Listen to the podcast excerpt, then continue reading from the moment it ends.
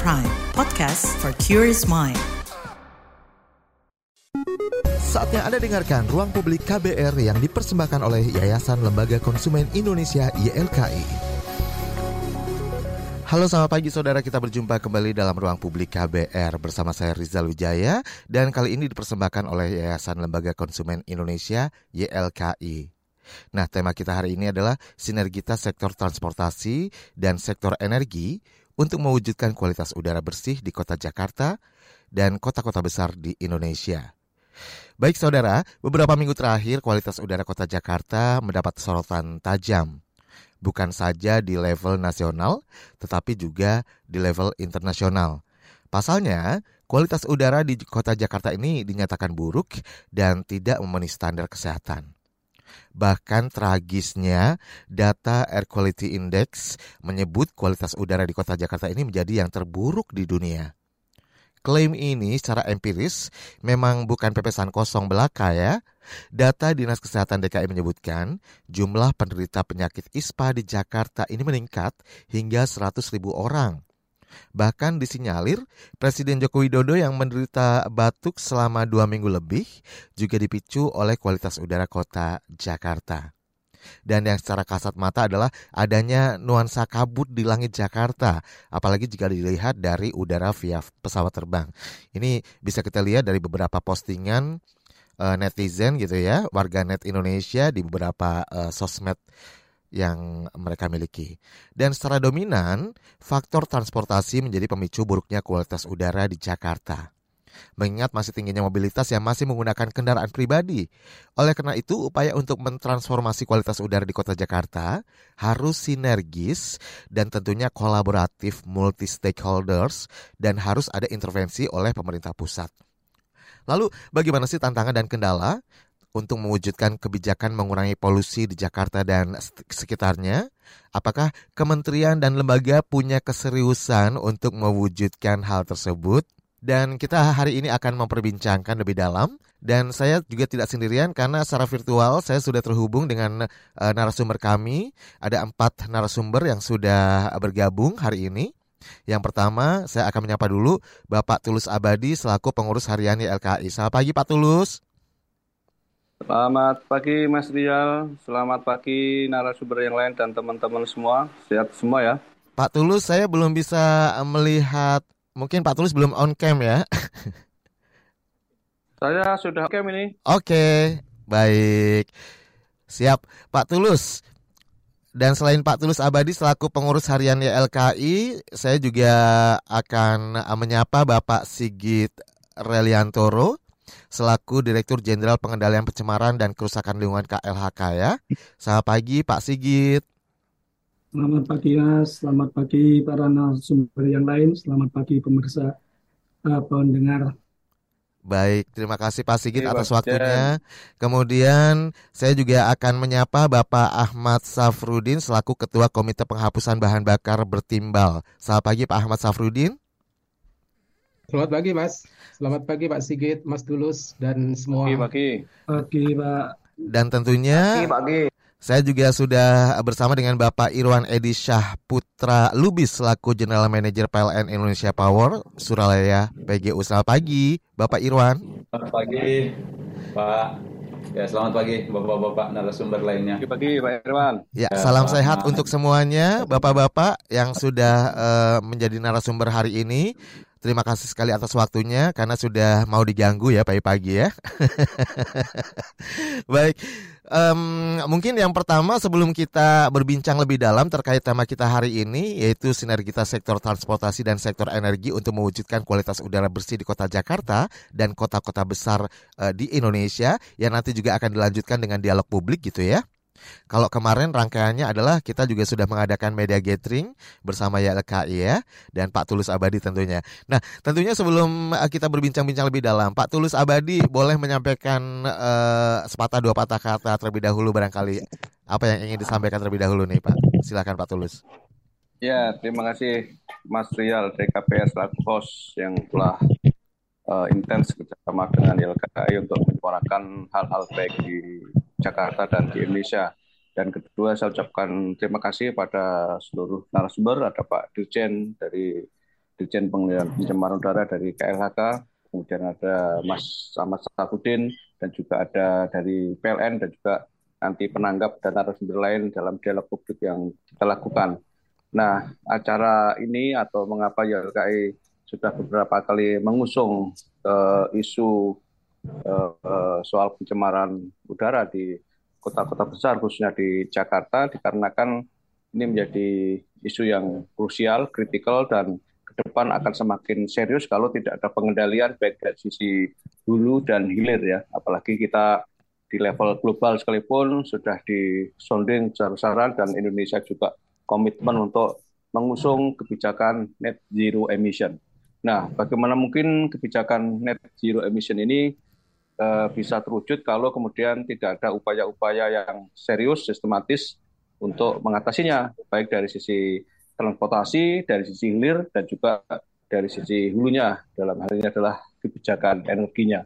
Nah, dalam hal ini sebenarnya memang harus dijelas karena antara sektor transportasi dengan sektor energi itu saling berkelindan, ya tidak bisa dipisahkan.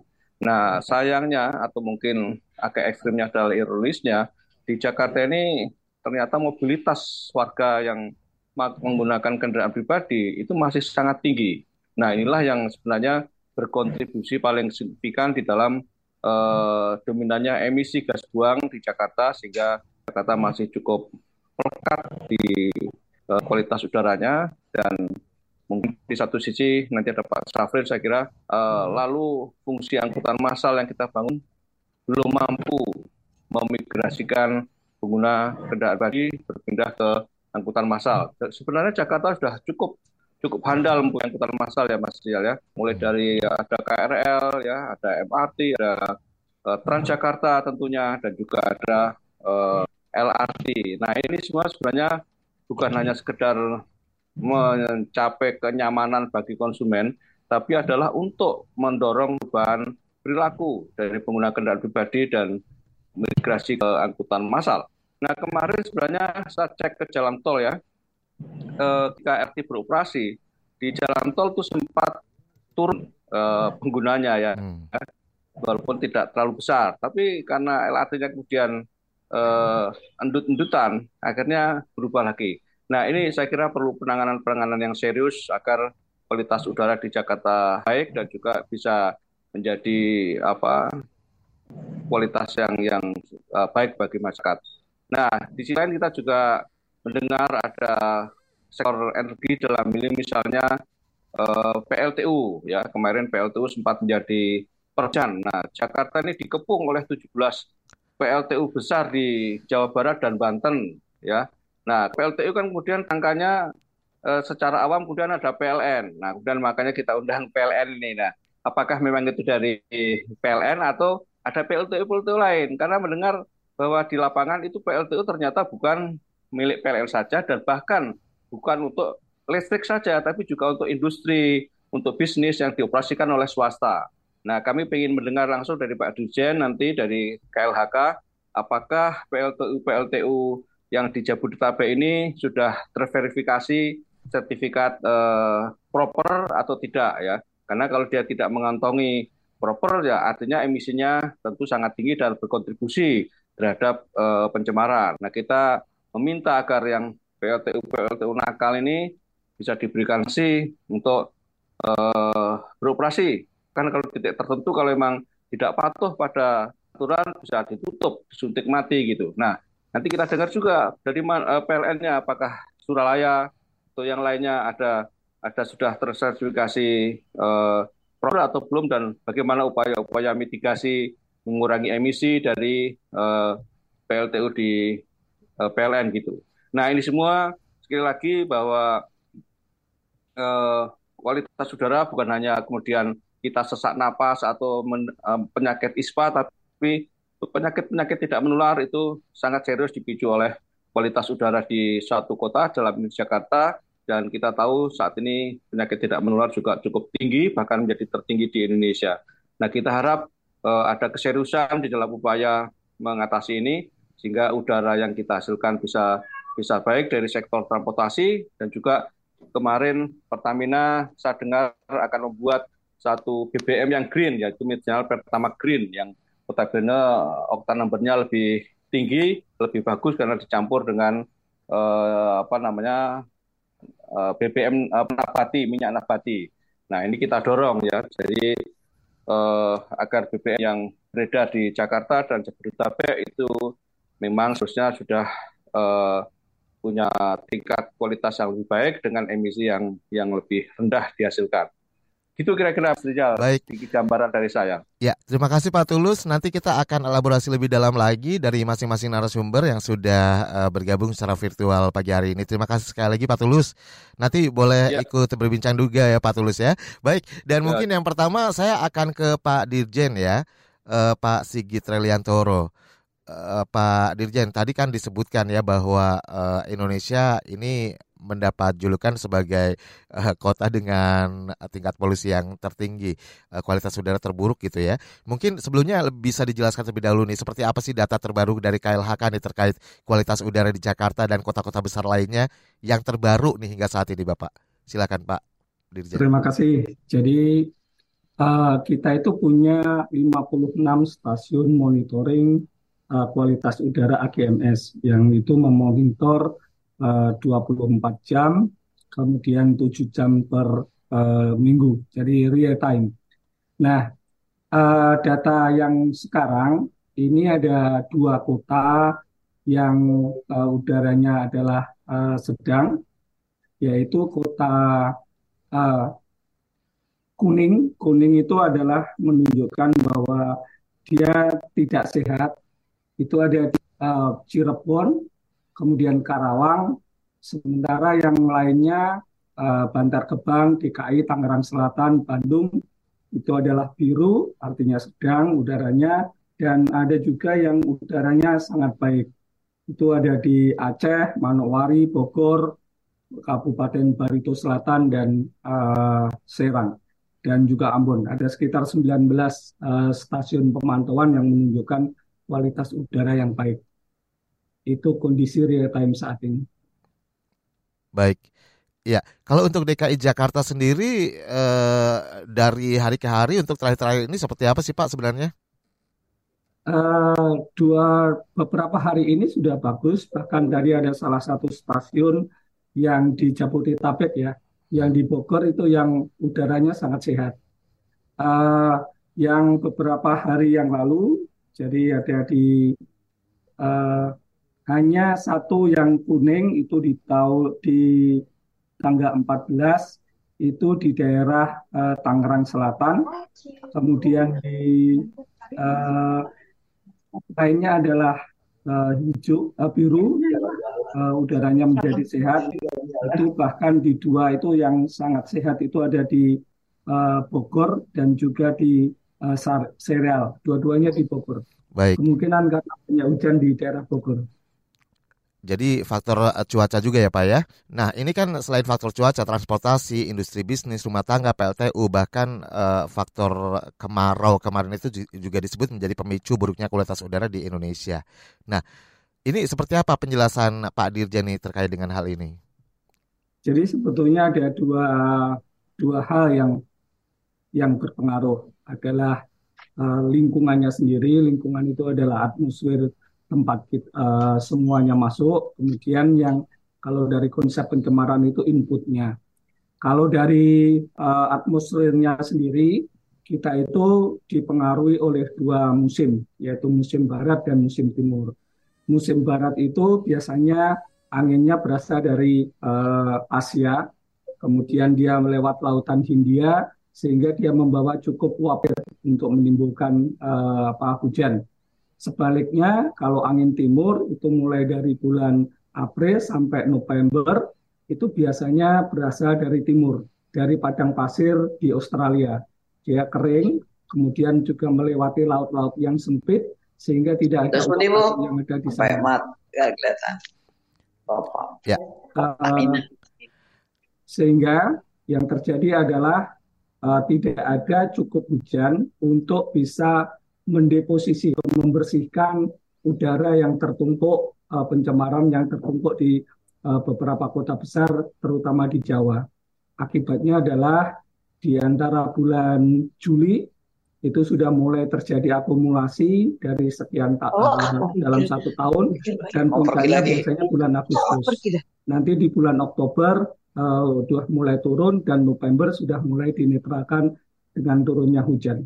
Itu adalah siklus tahunan yang terjadi di uh, terutama di Jakarta dan di kota-kota besar di Jawa. Kalau dilihat dari uh, sumbernya, dari input yang masuk, maka tadi betul bahwa uh, studi yang ada sekarang menunjukkan bahwa 41 per 44 persen dari emisi itu yang ada di atmosfer di Jakarta itu berasal dari transportasi, kemudian dari uh, industri energi itu 31 persen, dari manufaktur itu 10 persen, dari perumahan 14 persen, dan dari komersial uh, itu satu persen. Yang tertinggi transportasi ya Pak ya? Transportasi. Baik, nanti kita akan bahas lebih dalam lagi dan saya juga nanti akan minta pendapat dari narasumber yang lain juga selain dari uh, Pak Dirjen ya. Uh, tetap di ruang publik KBR karena uh, sekarang kita harus jeda terlebih dahulu. Kita akan kembali setelah jeda iklan berikut ini. Masih Anda dengarkan Ruang Publik KBR yang dipersembahkan oleh Yayasan Lembaga Konsumen Indonesia, YLKI.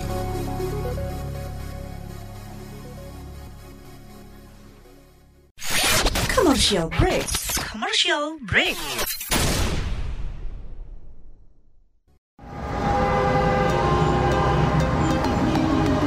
Jalanan macet, nggak masalah tuh. Macet-macetan tetap harus produktif sambil mendengarkan talk show inspiratif. Ruang Publik KBR hadir untuk Anda kapan saja dan di mana saja. Simak obrolan menarik dengan tema-tema yang beragam langsung dengan narasumbernya hanya di kbrprime.id. Search Ruang Publik KBR. KBR Prime, podcast for curious mind. Masih Anda dengarkan Ruang Publik KBR yang dipersembahkan oleh Yayasan Lembaga Konsumen Indonesia, YLKI. Ya, Anda masih bersama saya Rizal Wijaya dan masih Anda dengarkan Ruang Publik KBR yang dipersembahkan oleh YLKI dengan tema sinergitas sektor transportasi dan sektor energi untuk mewujudkan kualitas udara bersih di kota Jakarta dan kota-kota besar di Indonesia. Baik, Pak Irwan Edi Syahputra Lubis selaku General Manager PLN Indonesia Power Suralaya PGU. Kalau tadi kan uh, kita sudah mendengarkan ya bagaimana uh, apa namanya latar belakang dari tingginya uh, tingkat polusi di kota Jakarta dan juga kota-kota besar lainnya dari uh, juga data terkini dari KLHK juga sudah dipaparkan. Nah, kalau saya sekarang pengen mendengar dari Bapak Irwan Edi Saputra nih. Seperti kita ketahui bersama, keberadaan 17 buah PLTU yang bercokol di Jakarta, Banten, dan Jabar ini disebut-sebut menjadi pemicu buruknya kualitas udara di Jakarta dan sekitarnya. Sebenarnya bagaimana pandangan Anda terkait hal ini, Pak? Silakan. Baik, terima kasih Pak Reja. Eh, selamat pagi para pemirsa Eh, menanggapi tadi eh, pertanyaan dari pos kita, dapat kami sampaikan bahwa kami dari PLN telah memiliki beberapa kajian dari akademisi yang menunjukkan bahwa pencemaran udara yang terjadi di Jakarta akhir-akhir ini disebabkan oleh beberapa faktor, terutama faktor cuaca dan meteorologis, serta banyaknya sumber emisi pencemar lainnya yang muncul seiring dengan proses pengembangan kota Jakarta. Nah, tentunya kami juga menyadari, Pak, bahwa dari PLN kita memiliki tanggung jawab untuk memelihara lingkungan. Nah, untuk itulah di dalam proses produksi kami selalu e, menerapkan teknologi e, untuk pengendalian e, pencemaran dan memiliki standar-standar uh, lingkungan yang memenuhi standar standar-standar yang ditetapkan oleh pemerintah. Nah, beberapa teknologi yang kami miliki dan kami implementasi dapat saya sampaikan kita memiliki SP elektrostatik precipitator dan low NOx burner. Nah, kedua teknologi ini terutama untuk eh, mengendalikan partikulat dan juga NOx. Nah, juga kita uh, untuk SOX itu kita mengendalikan dari asupan batu bara. Kita memiliki program bagaimana ngeblending sehingga uh, kualitas uh, emisi dari SOx-nya kita itu masih terkendali. Sehingga uh, dari pantauan kita ya sejak adanya pembangkit ini sampai dengan sekarang secara rutin kita juga selalu melakukan pengukuran seperti tadi disampaikan Pak Dirjen ya. E, kami memiliki peralatan CHEMS juga untuk mengukur dan memonitor seluruh emisi e, dari pembangkit ini dan ini secara online terhubung dan terintegrasi dengan sistem sispek milik e, Kementerian, Kementerian Lingkungan Hidup secara real time. Sehingga kita pastikan bahwa e, proses produksi yang kita lakukan di pembangkit-pembangkit milik PLN ini semuanya aman dan memenuhi aturan di bawah uh, ambang batas. Demikian, Pak. Baik. PLN uh, eh, milik PLN gitu ya, pembangkit milik PLN. Nah, ini sebenarnya kita juga pengen tahu nih, kalau milik PLN sendiri ada berapa sih, Pak? Dari 17 buah. Ya. Uh, kalau saya kebetulan dari Indonesia Power ya Pak. Kalau kami di Indonesia Power itu ada uh, yang bersinggungan langsung dengan uh, kota Jakarta di uh, Jawa Barat, DKI Banten itu ada tujuh lokasi Pak hmm. pembangkit uh, bara dan gas. Nah untuk saudara kita Nusantara Power itu ada dua lokasi di Muara Karang dan Muara Tawar. Jadi total sembilan. Nah dari e, seluruh pembangkit ini e, semuanya juga sudah memiliki CHEMS ya dan juga e, kita juga menerapkan standar-standar e, baku mutu. Ya kita pastikan itu bahwa e, emisi yang keluar itu e, selalu memenuhi dan di bawah standar gitu sehingga lebih baik lah. Demikian Pak. Baik, ya nanti kita akan coba tanyakan juga ke Pak Dirjen ya. Uh, tapi sebelumnya saya akan mengangkat telepon dulu nih. Ternyata ada pendengar kita yang sudah terhubung dari Jakarta Timur. Ada Ibu Alesa. Selamat pagi, Ibu Alesa. Selamat pagi. Ya, silakan Ibu uh, Alesa. Baik, uh, saya mendengarkan uh, tema hari ini cukup menarik buat saya mengenai kualitas udara bersih. Uh, kalau menurut saya integrasi transportasinya perlu dioptimalkan, Pak, agar uh, kualitas udaranya bersihnya cepat tercapai. Demikian, terima kasih. Oke, terima kasih Bu Alesa. Padahal saya juga mau nanya nih Ibu Alesa, gimana terganggu nggak selama ini dengan kondisi udara di Jakarta ya kan? Karena kan Ibu Alesa ini uh, domisili di Jakarta Timur. Nah, ini menarik sekali ya pertanyaannya ya. Jadi uh, terkait dengan transportasi yang memang dinilai menjadi yang paling dominan ya Pak Tulus ya. Ya, betul Mas Rizal. Oke. Nah, ini kan tadi Pak Tulis juga di depan di awal sudah menyampaikan ada LRT tapi masih dundutan gitu ya, Pak.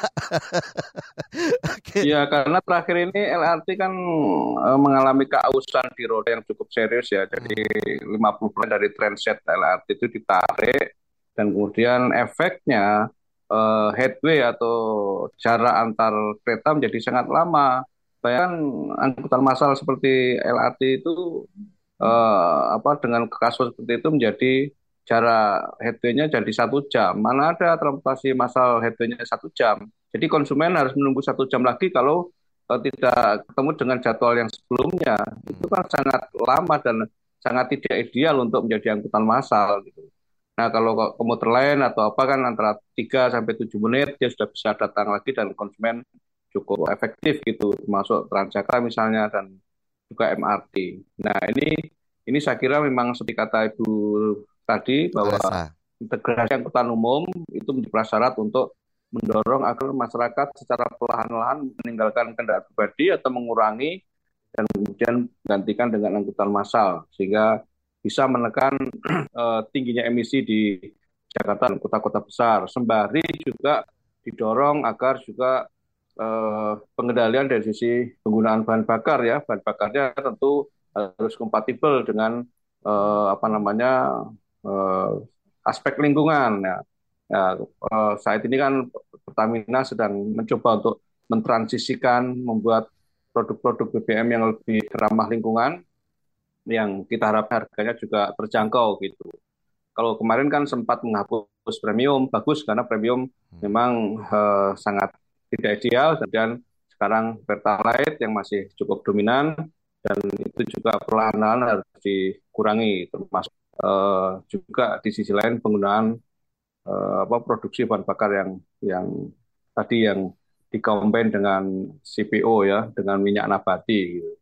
Bahkan Indonesia juga kemarin sudah Garuda pun sudah menggunakan bahan bakar nabati untuk afturnya. Nah, ini ini harus harus sinergis ya untuk untuk mengurangi apa emisi-emisi yang ada di kota-kota besar di Indonesia khususnya dan di Indonesia secara keseluruhan. Karena tadi pemerintah kan mendorong untuk net zero emission dari 2030, 2040 sampai nanti 2060. Nah, kalau ini serius, maka nanti kita tidak akan pernah mencapai kebijakan net zero emission yang artinya nanti 2060 itu harus zero emission ya. Okay. Zero emission. Bisa nggak kalau kalau untuk menuju ke sana kalau kebijakan transportasinya belum belum disinergikan, kemudian di sektor energi juga demikian. nah, itu yang yang artinya perlu peran-peran semua pihak untuk mewujudkan uh, net zero emission itu untuk melindungi kita semua. Mungkin dengan catatan harganya juga uh, terjangkau ya Pak ya? ya tentu saja. Ya terjangkau dalam arti uh, sesuai dengan standar yang ditetapkan dan kemudian juga kita dorong untuk subsidi ya. Subsidi pemerintah ini kan sebenarnya pemerintah saat ini sampai tahun 2000 eh, bulan September Oktober ini kan lebih dari 60 triliun untuk subsidi bahan bakar ya, baik itu subsidi atau kompensasi. Hmm. Nah, sebenarnya sudah kita dorong, kita wacanakan agar pemerintah subsidinya itu diberikan kepada bahan bakar yang lebih baik, ya. Dalam arti misalnya berani nggak subsidinya diberikan kepada Pertamax, ya kalau misalnya Pertalite mau dihapus, sehingga nanti uh, lebih tepat sasaran dalam arti bisa mengurangi, mengurangi uh, uh, tingkat kualitas udara itu akan lebih baik karena Pertamax tentu lebih baik. Jadi kalau kalau subsidinya diberikan kepada bahan bakar yang masih misalkan emisi yang tinggi ya itu salah kaprah. Karena sebenarnya kan kalau kita mengacu kepada undang-undang tentang energi, eh, subsidi energi itu harus diberikan kepada sektor energi bersih ya, okay. eh, bahkan energi baru terbarukan. Tetapi setidaknya untuk menuju EBT atau energi baru terbarukan yang uh, itu perlu waktu yang cukup. Nah, yang paling fair adalah dengan transisi energi dengan memberikan subsidi kepada sektor energi yang bahan bakarnya uh, bersih lah, minimal bersih atau Baik. clean energy. Jadi kalau belum bisa membuat green energy untuk bahan bakar ya clean energy itu yang harus disubsidi. Oke, Pak Tulus, tahan dulu. Uh, kita akan jeda terlebih dahulu. Tapi nanti setelah jeda saya uh, akan nyambung lagi nih terkait dengan penggunaan BBM yang rendah emisi gitu ya. Artinya uh, tadi kan disebutkan bahwa pembatasan penggunaan BBM jenis Pertalite juga sedang dilakukan saat ini. Ini bisa dikatakan sebagai proses penghapusan bahan bakar bertimbal gitu ya mungkin ya. Nah, nanti saya minta pendapat dari Bapak Ahmad Safrudin terkait hal ini dari Ketua Komite Penghapusan Bahan Bakar Bertimbal KPBB. Pak Safrudin yang belum terdengar suaranya dari tadi mohon maaf waktunya terbatas sekali ya kita harus jeda dulu dan nanti kita juga akan uh, terhubung kembali dengan penelpon ya yang sudah siap nanti jangan ke mana-mana tetap di ruang publik KBR bersama saya Rizal Wijaya masih Anda dengarkan Ruang Publik KBR yang dipersembahkan oleh Yayasan Lembaga Konsumen Indonesia YLKI.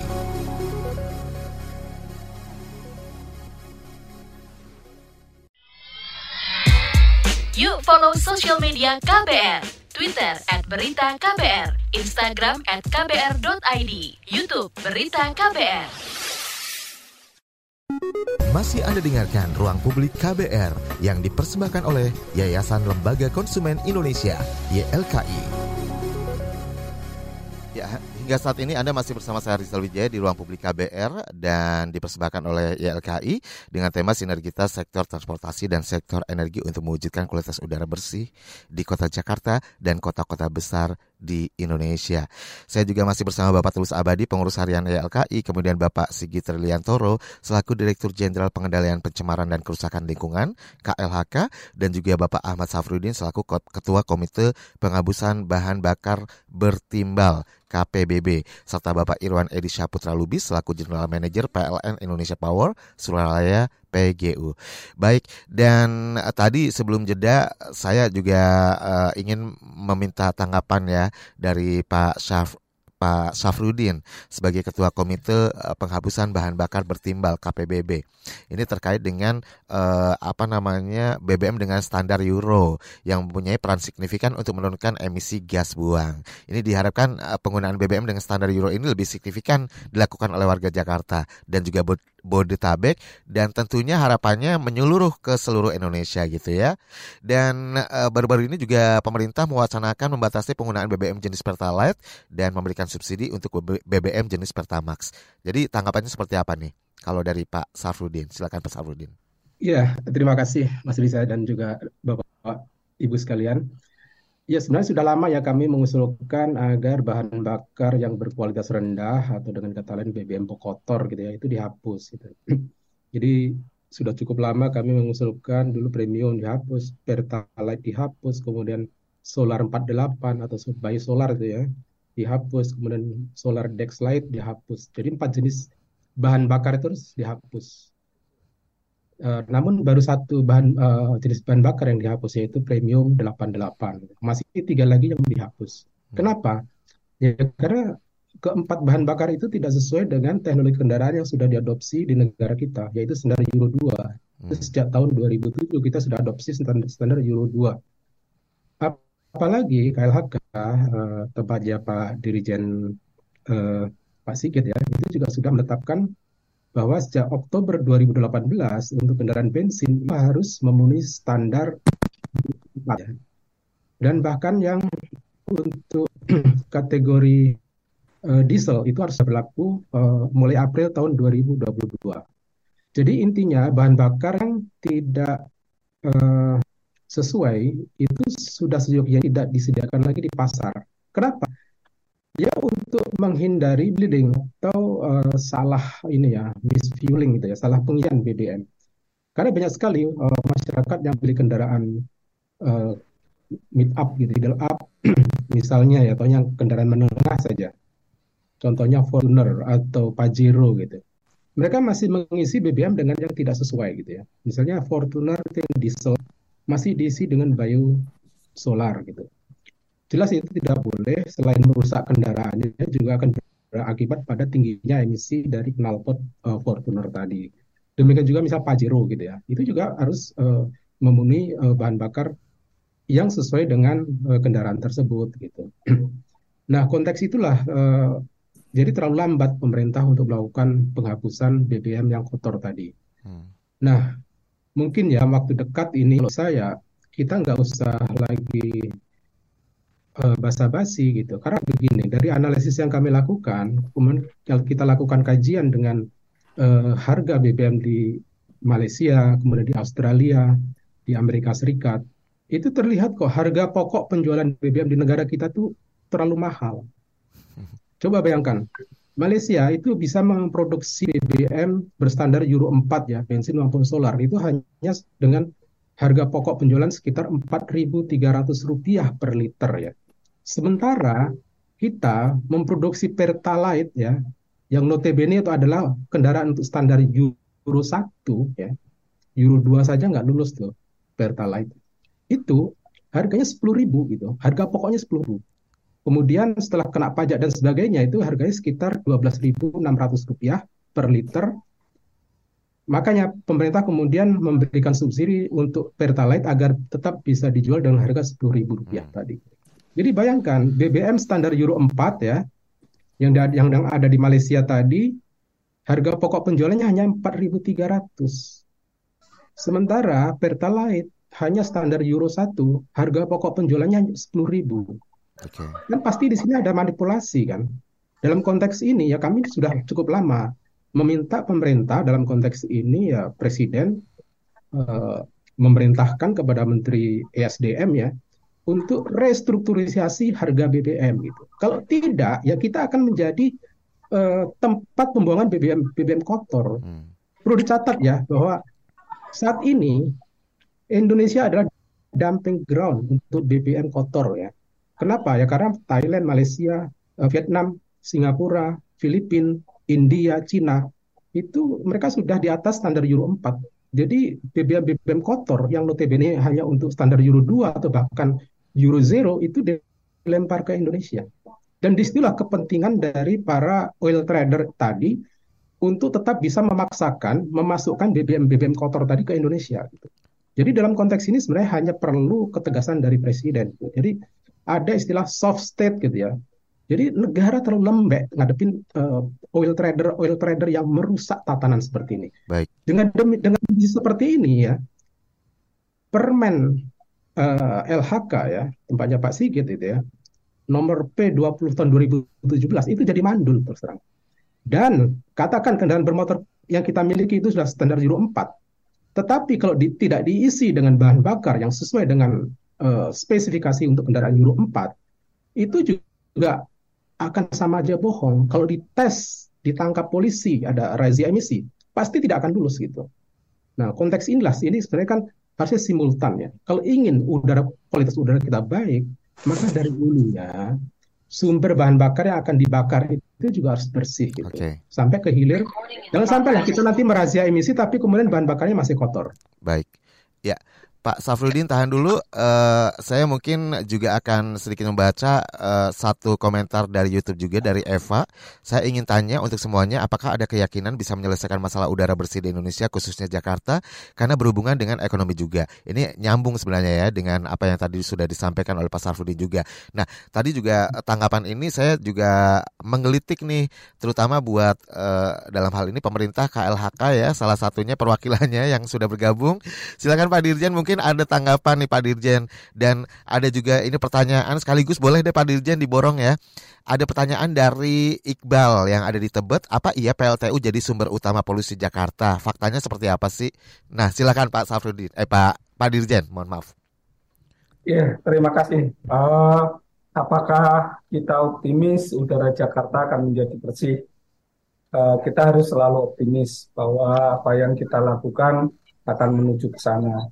Tapi memang kita juga harus menyadari yang namanya masalah lingkungan itu kalau menurut kita sebagai weak problem. Jadi kayak lingkaran setan gitu.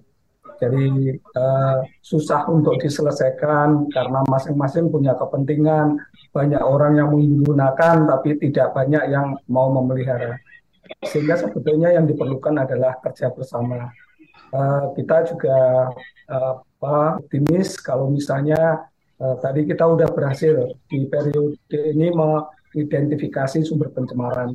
Kemudian tadi kita juga melihat ada upaya-upaya untuk mulai memperbaiki uh, sumber pencemarannya kan dari kendaraan bermotor untuk memperbaiki transportasi, untuk memperbaiki uh, bahan bakar yang ada di sana gitu. Sehingga pelan-pelan dengan adanya juga nanti pembangkit listrik yang sudah mulai ke transisi energi di tahun 2050 mudah-mudahan semua PLTU sudah di phase out antara 2050 sampai 2060 sementara di jalan di jalan itu kan juga sudah kita sudah memasukkan renewable energy. Yang kemarin Bapak Presiden meresmikan PLTS terbesar di Asia seluruh Asia Tenggara itu adalah bukti komitmen kita menuju ke arah renewable energy. Kemudian kita juga sudah melihat ada upaya untuk memperbaiki transportasi umum, tapi memang uh, harus ada siklusnya juga harus saling mendukung gitu. Hmm. Biasanya kan uh, kalau kita memperoleh kemajuan ekonomi, biasanya pengen kendaraan pribadi gitu. Nah, sehingga begitu ada kebutuhan kendaraan pribadi, kendaraan umum ditinggalkan. Begitu ditinggalkan kendaraan umum, maka subsidinya juga naik. Begitu subsidinya naik, uh, biasanya akan terus dipotong sehingga terjadi siklus apa pelayanan publiknya akan menjadi semakin turun. Nah, situasi inilah yang kita juga harus saling apa istilahnya saling berkorban meskipun uh, kendaraan umumnya masih belum memadai, kita harus selalu mendorong di sana.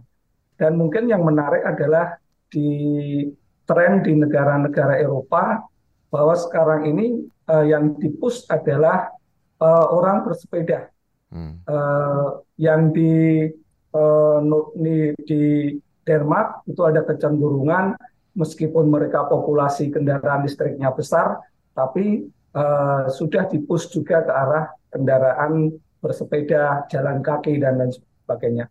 Artinya tadi kebutuhan untuk mengintegrasikan antara bersepeda, jalan kaki, kemudian transportasi umum itu memang diperlukan. Baik.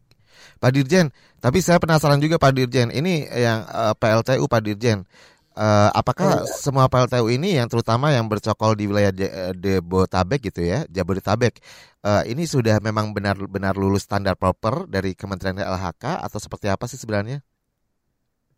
Jadi sebetulnya kalau boleh kita lihat, kita bisa melihat uh, pola sumber pencemaran itu menggunakan satelit Sentinel. Jadi satelit itu bisa mendeteksi NOx yang terakumulasi di atmosfer. Nah, dari situ kelihatan polanya. Ada dua pulau uh, pencemaran, yaitu di uh, kalau di Pulau Jawa itu ada lima paling tidak uh, pulau pencemaran. Pertama adalah di ujung barat itu di Banten, di Suralaya itu adalah dari PLTU, kemudian di, agak ke sini adalah di Jakarta, kemudian ada di Tanjung Jati, ada di Surabaya kota besar, dan kemudian di Python. Okay. Nah polanya seperti itu. Tapi yang menarik adalah antara PLTU yang di Surabaya dan di Jakarta itu itu tidak terkonek. Artinya sebetulnya yang dari PLTU eh, di Banten itu tidak masuk langsung ke Jakarta karena jaraknya terlalu jauh.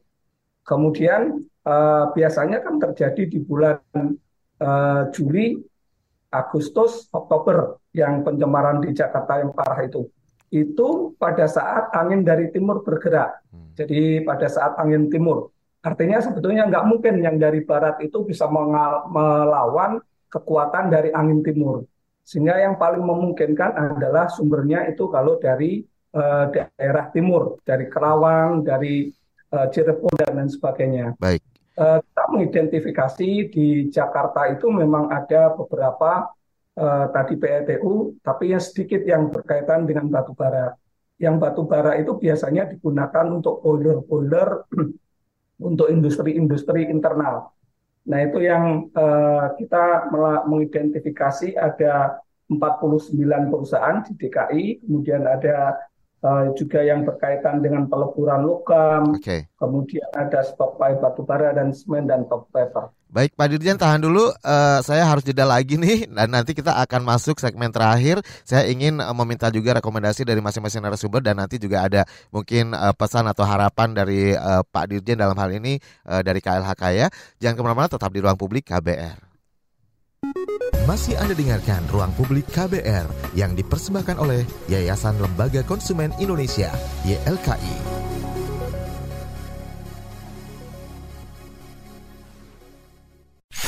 Commercial break. Commercial break.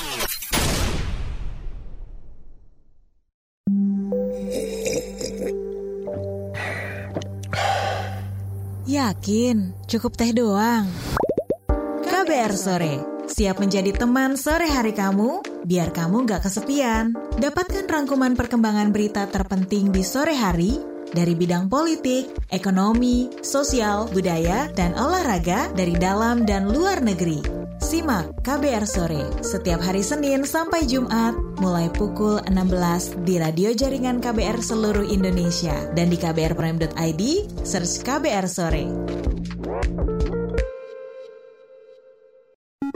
Masih Anda dengarkan Ruang Publik KBR yang dipersembahkan oleh Yayasan Lembaga Konsumen Indonesia, YLKI. Baik, inilah bagian akhir ruang publik KBR yang dipersembahkan oleh YLKI dengan tema Sinergitas Sektor Transportasi dan Sektor Energi untuk mewujudkan kualitas udara bersih di Kota Jakarta dan kota-kota besar di Indonesia. Bersama saya Rizal Wijaya. Dan tentunya saya juga masih bersama Bapak Tulus Abadi, pengurus harian YLKI, kemudian Bapak Sigit Reliantoro selaku Dirjen Pengendalian Pencemaran dan Kerusakan Lingkungan KLHK dan Bapak Ahmad Safrudin, Ketua Komite Penghapusan Bahan Bakar Bertimbal, serta Bapak Irwan Edi Syaputra Lubis selaku General Manager PLN Indonesia Power Suralaya PGO ya. Baik, dan mungkin uh, ini kan waktunya sangat terbatas sekali dan nanti akan dielaborasi di segmen berikutnya yaitu di sesi diskusi publik ya. Oke, okay. baik. Um, mungkin dari LKI terlebih dahulu, Pak Tulus, rekomendasi apa nih? Adakah usulan yang mungkin ingin disampaikan dalam hal ini kan ini kan butuh sinergitas gitu ya antar berbagai sektor.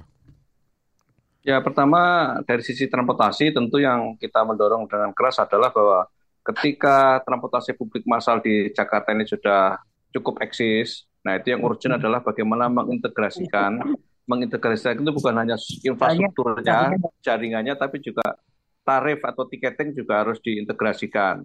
Ya, itu yang terpenting. Yang kedua, itu juga dari sisi uh, penggunaan kendaraan pribadi itu mulai harus ada pengendalian yang serius ya. Karena saya melihat eh, upaya-upaya untuk itu semakin kendor ya soal uh, apa sampai detik ini misalnya sepeda motor yang sudah berjumlah 24,5 juta di Jakarta belum ada pengendalian baik dari sisi penjualan uh, promosi ataupun juga penggunaan ya itu belum ada pembatasan. Kemudian kendaraan roda pun juga uh, dulu ada wacana ERP electronic road pricing belum diterapkan, juga soal ganjil genap uh, bisa diperluas dan lain sebagainya. Karena kalau ini tidak dilakukan, maka sekuat apa pun uh, angkutan masalnya nanti tidak akan optimal. Dan berikutnya dengan sektor energi tentu bagaimana agar penggunaan bahan bakar di Jakarta, Jabodetabek itu uh, harus mulai dikampanyekan dengan bahan bakar yang lebih bagus lah. Karena untuk di Jakarta tentunya harus bisa dong, karena standar Jakarta adalah standar yang lebih baik. Karena kalau tidak dengan jumlah puluhan bahkan ratusan juta nantinya kendaraan di Jakarta, bagaimana nanti akan wajah Jakarta walaupun nanti tahun depan kita sudah tidak sebagai status ibu kota, tapi sebagai pusat ekonomi, saya kira akan tetap menjadi magnet untuk uh, bisnis dan industri. Baik. Dan ada konsistensi upaya penegakan hukum untuk PLTU tadi yang Pak Dirjen mengatakan ada sembilan, apakah memang sudah proper atau belum, dan juga eh, apa namanya harus diberikan sanksi-sanksi kalau memang di lapangan ada pelanggaran terkait dengan itu. Oke. Okay. Demikian Mas Rizal. Siap Pak Tulus. Dan kemudian saya juga ingin mendengar dari uh, Bapak Ahmad Safrudin, Ketua Komite Penghapusan Bahan Bakar Bertimbal. Silakan Pak Ahmad. Kira-kira rekomendasi ya. apa nih yang ingin didorong? Ya, uh, seperti yang sudah dibahas tadi ya, bahwa pencemaran udara di Jabodetabek dan sebenarnya juga di berbagai kota besar di Indonesia itu uh, sebagian besar diakibatkan oleh uh, proses transportasi ya. Memang ada industri, tapi tidak sebesar transportasi, ada juga dari power plant, kemudian ada juga dari domestik, dari cara kita memasak di rumah masing kita masing-masing, kemudian dari debu-debu jalanan, kemudian proses konstruksi, pembakaran sampah dan selain ya selain ada power plant atau pembangkit listrik tadi sekalipun uh, jumlahnya sangat kecil. Kenapa? Ya karena rata-rata hanya sifatnya ya transboundary air polutan yang berasal dari uh, pembangkit listrik tadi. Nah, untuk itu, konteks ini ya, kalau kita ingin strategis mengendalikan pencemaran udara di berbagai kota besar di Indonesia, dan khususnya di Jabodetabek, ya mau tidak mau kita masuk ke sektor transportasi terlebih dahulu. Cara yang pertama yang wajib segera dilakukan tentu saja mendongkrak uh, kualitas BBM kita itu ya. Jadi sekali lagi 4 BBM uh, yang dimiliki oleh Pertamina terus dihapus dan baru berhasil menghapus satu masih ada sisa tiga lagi yang juga harus dihapus. Dan yang kedua untuk memenuhi uh, affordabilitas atau uh, tingkat daya beli masyarakat terhadap BBM berkualitas, pemerintah harus merestrukturisasi harga BBM. Hmm. Sehingga dengan begitu masyarakat akan memperoleh harga yang memang pantas begitu. Tidak seperti yang sekarang, tidak pantas begitu. Tidak pantas karena ternyata di Malaysia dengan kualitas yang lebih tinggi, uh, masyarakat Malaysia itu bisa membeli dengan harga yang jauh lebih murah. Okay. Dan satu bukti lagi, bahwa Pertamina juga ekspor ya BBM berkualitas tinggi standar Euro 4 ke Malaysia dengan harga juga Rp4.300 per liter. Jadi ini adalah fakta-fakta yang harus segera kita laksanakan. Baik. Nah, yang lain-lain tentu saja harus dilakukan secara sinergi. Sepakatlah tadi dari berbagai sektor tadi ya uh, untuk konteks uh, mass public transport tadi juga harus segera diupayakan sebaik mungkin. Saat ini yang yang relatif uh, efektif itu baru komuter lain. MRT masih belum penuh uh, apa uh, occupation komuter lain juga banyak yang mengeluhkan masih... ya Pak masih penumpangnya. nah, ya tapi uh, cenderung MRT masih lebih baik ya ketimbang baik. yang lain. Artinya komuter lain itu uh, occupation rate-nya tinggi gitu dan sangat efektif. Kemudian baik. ada Transjakarta untuk BRT-nya itu kebanyakan masih kosong dan kita lihat juga banyak armada yang tidak dijalankan ya. Jadi dalam konteks ini kita juga perlu uh, mendorong uh, sektor public transport tadi ya untuk segera menurunkan semua armada armadanya memenuhi jalan-jalan kita sehingga supply untuk public transport itu mencukupi gitu. Baik, terima kasih Pak Ahmad Safrudin dan berikutnya saya ke uh, Bapak Irwan Edi Saputra Lubis selaku General Manager PLN Indonesia Power Suralaya. Silakan Pak. Baik, terima kasih Pak Rijal. Tentunya kami sampaikan kembali bahwa kami sebagai eh, perpanjangan tangan dari pemerintah juga ya BUMN eh, dalam melayani kelistrikan nasional, melayani masyarakat, tetap akan berkomitmen teguh Pak untuk menjaga emisi dari pembangkit-pembangkit kami sesuai dengan regulasi yang dipersyaratkan oleh pemerintah. Dan kami juga terus melakukan terobosan-terobosan, menggali eh, teknologi-teknologi baru gitu ya. Nah, eh, tadi sudah disampaikan juga oleh Pak Dirjen gitu ya, yang terbaru ini kita membangun 192 megawatt uh, PLTS terapung hmm. dan di Suralaya sendiri kami juga uh, sekarang pemakaian-pemakaian listrik untuk di gedung-gedung itu uh, kita sudah pakai PLTS rooftop Pak dan itu boleh saya klaim itu terbesar lah untuk di pembangkit di seluruh Indonesia ya. Baik. Kami punya 1.254 KWP. Nah, namun uh, ini sebagai ya kesepahaman kita bersama ya kita harus menanja, menyadari juga ya bahwa pengendalian emisi ini adalah tanggung jawab kita bersama. Oke. Okay. Tentunya kami berharap peran aktif semua pihak dan kesadaran bersama harus kita bangun sehingga terwujudnya lingkungan yang bersih dan sehat. Baik. Demikian Pak. Terima kasih Bapak. Dan Pak Sigit Reliantoro, Bapak Dirjen, silakan mungkin ada imbauan atau harapan yang ingin disampaikan dan yang jelas harapannya adalah dari masyarakat dari kita semua uh, kita bisa bersinergi gitu antara pemerintah dan juga sektor lainnya gitu ya. Dan yang penting lagi adalah langkah konkret juga dibutuhkan ya Pak ya. Silakan Pak Sigit, monggo. Terima kasih. Tadi sudah diidentifikasi oleh para narasumber langkah-langkah yang perlu kita lakukan. Kemudian tadi ditegaskan juga dari PLN bahwa ini adalah langkah bersama dan juga uh, pembawa acara. Jadi memang uh, kalau kita sudah sepakat kita mau memperbaiki kualitas udara Jakarta terutama, maka ini adalah upaya bersama. Pemerintah juga punya tugas, dunia usaha punya tugas, Mas Puput, Pak Tulus juga punya tugas untuk selalu mengingatkan tetapi kita juga sebagai masyarakat Jakarta juga punya tugas untuk sedikit berkorban, misalnya membeli bahan bakar yang lebih ramah lingkungan. Agak sedikit uh, mungkin enak naik kendaraan publik atau agak capek untuk naik kendaraan apa sepeda, jalan kaki dan lain sebagainya. Tapi kalau itu kita lakukan semua, itu akan mentransformasi gaya hidup kita juga dan juga mengurangi biaya kita biaya sakit, biaya ISPA, dan juga biaya transportasi. Baik. Terima kasih Pak Dirjen dan terima kasih juga untuk semua narasumber yang sudah uh, menginspirasi hari ini ya, memberikan informasi yang luar biasa dan nanti tentunya akan diperdalam lagi di sesi berikutnya yaitu dialog publik yang akan dipandu oleh rekan saya Mas Maulana ya.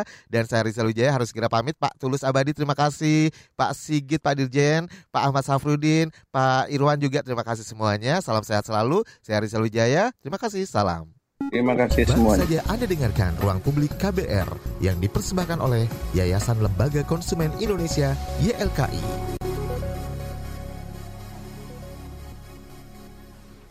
KBR Prime, cara asik mendengar berita.